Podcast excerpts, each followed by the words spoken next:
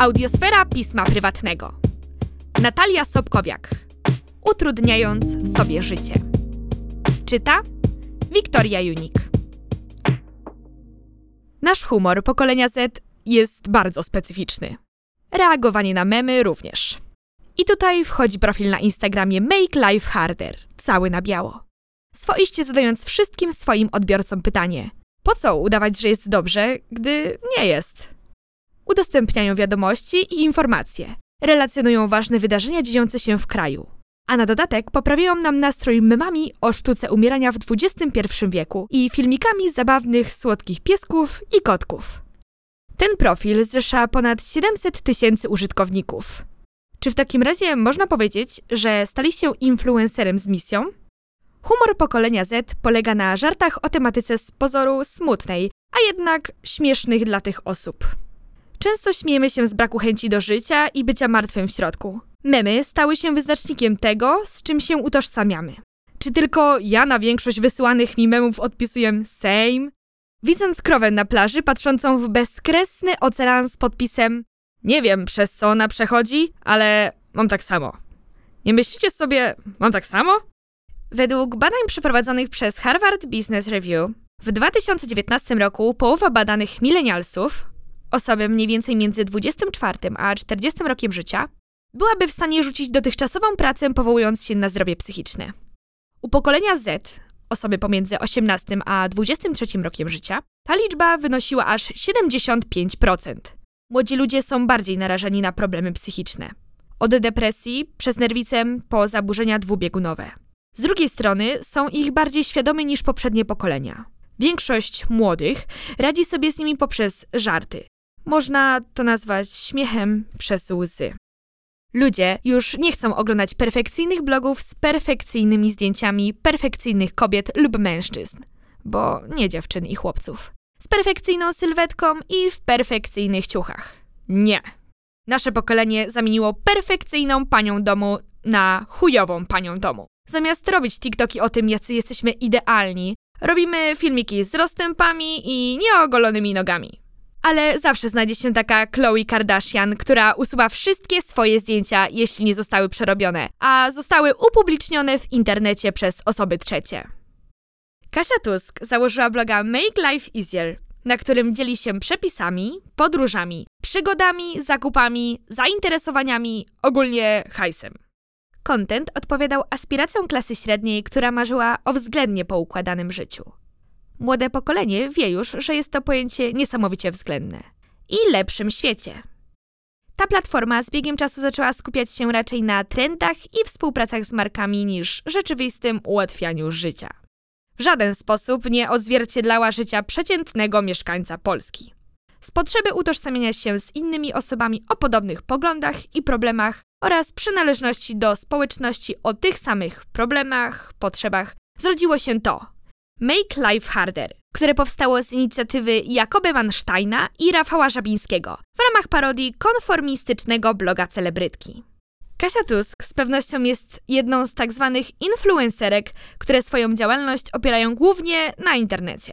Osiągają nieziemskie zasięgi w mediach społecznościowych, co wiąże się z faktem, że obserwują i naśladują je oraz słuchają ich tysiące, jeśli nie milionów, Polaków. To, jakie stanowisko zajmie dany internetowy celebryta w danej sytuacji, bezpośrednio oddziałuje na życie, opinię i czyny internautów. Nazwa influencer wcale nie jest przypadkowa. Odwołuje się ona do wpływu, jaki te osoby mają na społeczeństwo. Jest to zrozumiałe, ponieważ ludzie wolą osobę autentyczną, z krwi i kości, która pokazuje tak przyziemne rzeczy jak marka podpasek, z których korzysta, aniżeli osobę wiecznie perfekcyjną. Przykre, a nawet potencjalnie niebezpieczne może być to, że osoby, które naprawdę mało wiedzą o danym zagadnieniu, wypowiadają się na jego temat w sposób niemalże pouczający. Tako Hemingway wypuścił swego czasu album Jarmark, na którym społeczeństwo jest świetnie ukazane z perspektywy młodego człowieka. Chciałabym się skupić na piosence Influenza. Tytuł kojarzy się przede wszystkim z angielską nazwą na grypę, ale jednak wybrzmiewa zadziwiająco podobnie do słowa influencer. Jest to celowy zabieg. Influenza to utwór krytykujący przede wszystkim celebrytów, którzy coraz częściej wypowiadają się na tematy im obce o których de facto nie mają żadnego pojęcia. Ale ich zasięgi w social media są na tyle duże, że potrafią kształtować opinię wielu nieświadomych osób i z oświeconym przekazem docierać do szerokiego grona ludzi. Analizuje piosenkę portal Genius.com. Ta piosenka wyraża więcej niż tysiąc słów odnośnie do plagi influenceryzmu osób pokroju Kasi Tusk. Może właśnie to sprawiło, że ludzie zamiast ułatwiać sobie życie, wolą je utrudniać. Make Life Harder z początku było czymś zupełnie innym niż jest aktualnie. Zdziwieni fenomenem bloga Kasi Tusk postanowili założyć stronę, która byłaby jego antytezą. Na swojego fanpage'a wrzucali najpierw zdjęcia stylizacji klapek pod prysznic i frotowych skarpet. Z czasem przerodziło się to w bloga z felietonami, a teraz jest to jeden z najbardziej opiniotwórczych głosów w Polsce, mający swoją siedzibę wszędzie i nigdzie, bo na Instagramie, zrzeszając ponad 700 tysięcy użytkowników.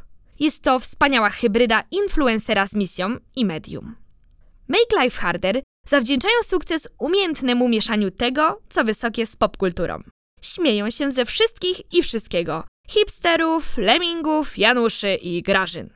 Typów i stereotypów. Z mediów społecznościowych, z samych siebie.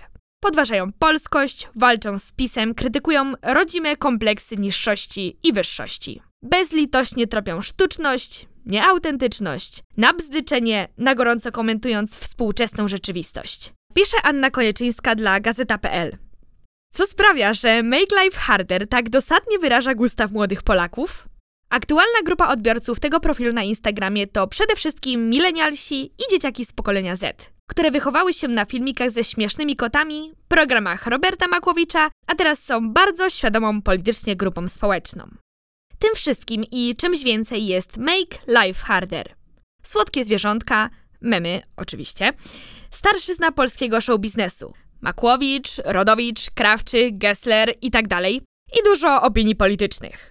W podcaście Gazety Wyborczej 8.10 z 27 maja 2020 roku nazwano Make Life Harder satyryczną kroniką pandemii. Od początku pandemii Make Life Harder udostępnia w mediach społecznościowych zabawne filmy, zdjęcia, ilustracje i memy o życiu w czasach koronawirusa. A więc kwarantanny, pracy zdalnej, a także wydarzeń społecznych i politycznych będących pokłosiem pandemii. Młodzi, którzy utknęli w domach na parę miesięcy, również utknęli w mediach społecznościowych. Najlepszym sposobem na radzenie sobie z pandemią i co za tym idzie, nieznanym, był właśnie humor, o którym pisałam na początku. Niekiedy czarny humor. Apogeum wzrostu liczby młodych odbiorców Make Life Harder doświadczyło w połowie października 2020 roku, gdy rozpoczął się ogólnopolski strajk kobiet po wydaniu wyroku Trybunału Konstytucyjnego o zaostrzeniu ustawy antyaborcyjnej. Na ulicę wyszły przede wszystkim wkurwione kobiety, ale na wiecach pojawiły się również osoby, którym najzwyczajniej ciąży władza prawicowa. Tym samym strajk kobiet zamienił się w strajk Polaków przeciwko władzy. Miliony ludzi wyszły na ulice w wielu miastach w Polsce, a wielu z nich nagrywało relacje i robiło zdjęcia, aby potem wstawić je na Instastory i oznaczyć właśnie Make Life Harder, które z tego powodu stało się jednym z bardziej rzetelnych mediów relacjonujących wydarzenia podczas tych właśnie wieców. Nie były to ustawione materiały filmowe, wyuczone formułki do powiedzenia, nie było też tam fejkowych projektantów mody ani dziennikarzy rozrzucających śmieci z kosza, aby materiał wyglądał lepiej. To, co było nagrywane i podsyłane do Make Life Harder i Krzysztofa Gąciarza, nie było obrabiane, cięte, reżyserowane, kadrowane lub manipulowane. Relacje były perspektywami ludzi, którzy brali udział w całym przedsięwzięciu. A co robiło Make Life Harder? To, co robi najlepiej. Udostępniało, nagłaśniało, wyrażało swoje opinie, a przede wszystkim docierało tymi treściami do ponad 700 tysięcy Polaków. Na profilu Make Life Harder zbiera się tyle osób, że kiedy wstawiają jedną relację o podupadającej piekarni z Wrocławia, nagle pojawiają się w niej setki, jeśli nie tysiące, osób jednego dnia. Tak właśnie było z piekarnią pana Sekuny na wrocławskim Nadodrzu. Nawet gastroinfluencer, czy można go tak nazwać? Z wrocławskich podróży kulinarnych napisał na swoim Facebooku Efekt? Wrocławskie podróże kulinarne mają prawie 100 tysięcy obserwujących na Facebooku. Post zebrał 1200 lajków, 214 komentarzy oraz 537 udostępnień. Oczywiście, pan z wrocławskich podróży kulinarnych natrafił na kolejki po tym, jak Make Life Harder udostępniło informację na temat piekarni. To samo w sobie świadczy o sile przekazu i wpływie Make Life Harder na ludzi. To, czy ten profil jest zjawiskiem influenceryzmu, jest pytaniem retorycznym, bo jest to niezaprzeczalny fakt. Czy można w takim razie powiedzieć, że charakter influencera zależy od charakteru młodego pokolenia? To była audiosfera pisma prywatnego. Materiał został zrealizowany we współpracy ze Studenckim Kołem Nagraniowym na głos. Dziękujemy za słuchanie i zapraszamy do pozostałych nagrań z tej serii na pismoprywatne.pl.